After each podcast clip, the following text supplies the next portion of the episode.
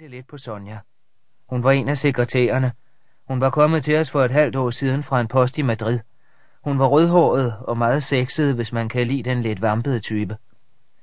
Jeg lagde den slukkede pibe fremme på bogreolen, mens jeg hørte de korte, hårde ud- og indåndinger blive roligere lidt efter lidt. Nede på Sadovajeren skramlede en lastvogn forbi, sikkert på vej med sortbørsvarer i ulvetimen. Hvad kunne det være? Tænkte jeg, nærmest for at tømme min hjerne, for at gøre plads til hans kommende oplysninger, der ville kræve beslutninger, handling og aktivitet. Cement til en partiboss, der ville bygge sig et sommerhus. En lille privat dacha. Fødevarer til et privat marked transporteret for god betaling i en af statens biler. Eller måske mere sjældne varer som sydens frugter, oksekød af god kvalitet, kaviar eller svært opnåelige reservedele til laderbilerne, Eller det mest varme på det sorte marked lige nu, videomaskiner og bånd. Moskvas overfladiske ro dækker over alle menneskesindes laster og ugerninger. Okay, Peter. Kom så med det, eller skal jeg komme forbi? Nej, sagde han mere roligt. Du skal tage over til hendes lejlighed i Kutusorski. Fortæl mig, hvad der er sket. De ringede fra Udenrigsministeriet for et par minutter siden. De sagde, at de havde fået en opringning fra militsen. De har fundet Sonja død i hendes lejlighed, og da hun er diplomat, vil de ikke gøre noget, før en fra den danske ambassade kommer til stede. Du sagde myrdet før. Det sagde de også. Slået ihjel, sagde de på russisk. Identificerede vedkommende sig. Ja, Vladimir Basov. Du kender ham, ikke? Jo, svarede jeg. Jeg var stærkt beroliget. Basov var professionel, erfaren og ikke særlig firkantet af en sovjetrepræsentant at være. Jeg havde svært ved at tro, at Sonja skulle være myrdet. Diplomater myrdes sjældent i Moskva.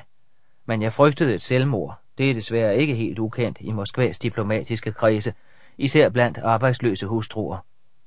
Men hvem fanden var så den anden? Hvis der altså overhovedet var en anden. Har du fået fat i CV? Spurgte jeg Peter.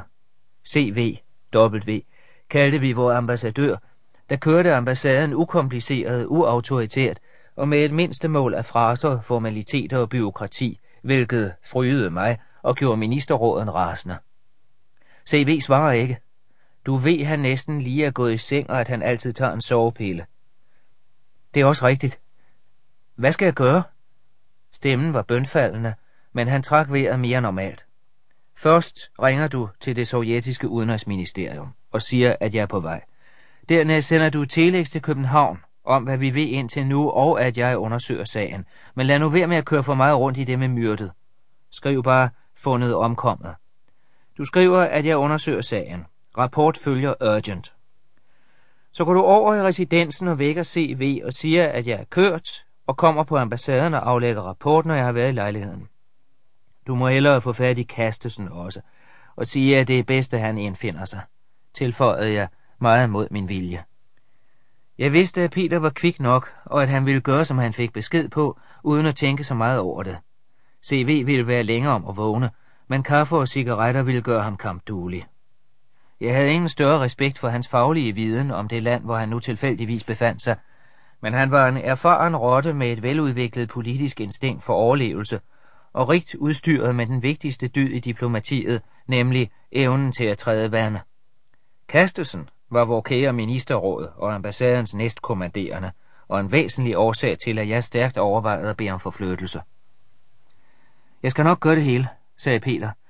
Jeg er sgu glad for, at jeg fik fat i dig. Du var ikke gået i seng? Jeg havde en række spørgsmål, som jeg gerne ville stille ham, men jeg ville ikke ryste ham mere nu. Han var nødvendig til at holde kommunikationslinjerne åbne, og vi skulle jo stadig bruge ham, hvis en dansker ringede fra det ydre Sibirien og havde tabt sit pas. Eller hvis det store knald kom på netop denne forfrosne januarnat, og han som sin sidste handling her på jorden kunne få æren af at meddele København, at missilerne var på vej. Inden hans meddelelse nåede frem, ville ingen overlevende kunne modtage den, men vi havde gjort vores pligt.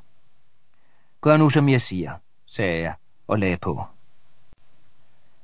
I gården bed kulden hårdt i kinderne og næsen, men især joden som en kniv op under frakken og tog fat i mine lår og knep til.